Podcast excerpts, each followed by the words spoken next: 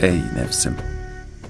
Bil ki ilmin faziletlisi hilim ve vekardır. En güzel giyiniş tarzı seni insanlar içinde temiz gösteren ve halkın dilini senden çekendir. Fakir, Cenab-ı Hakk'ın elçisidir. Sana gelip de bir şey istediğinde verirsen, Allah da sana karşılığını verir. Vermeden gönderirsen, Allah da senden alır. Ahlakın en güzeli, gelmeyene senin gitmen, seni mahrum edene ikramda bulunman, sana zulmedeni affetmendir.''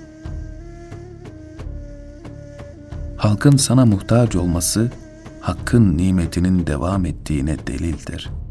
Bunu ganimet bil. Kıymetini bil ki bu nimet yok olmasın. Konuşursan doğru konuş. Malın varsa hoşlukla ver. Söz verirsen tut. İyilik yaparsan gizle. Başa kakıcıların yanında oruçlu ol. Sefihe yumuşak davranırsan onu iyi edersin.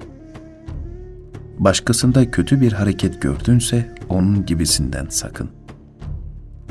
Cömertlikle büyüklük olur. Şükretmekle nimet artar. İyilikle sert insanlar yumuşar. Acele etmeden dikkatli hareket etmek sebepleri bulmayı kolaylaştırır. Herkese selam vermek güzel huydur. Verdiğin şey için minnet etme ki tamam olsun. Tevasunun meyvesi yükseliştir.''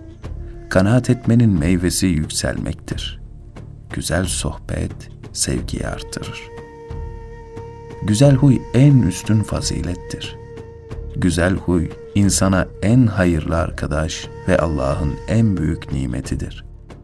İnsanlarla öyle iyi geçin ki ayrıldığında seni arasınlar ve öldüğünde seni söyleyip ağlasınlar.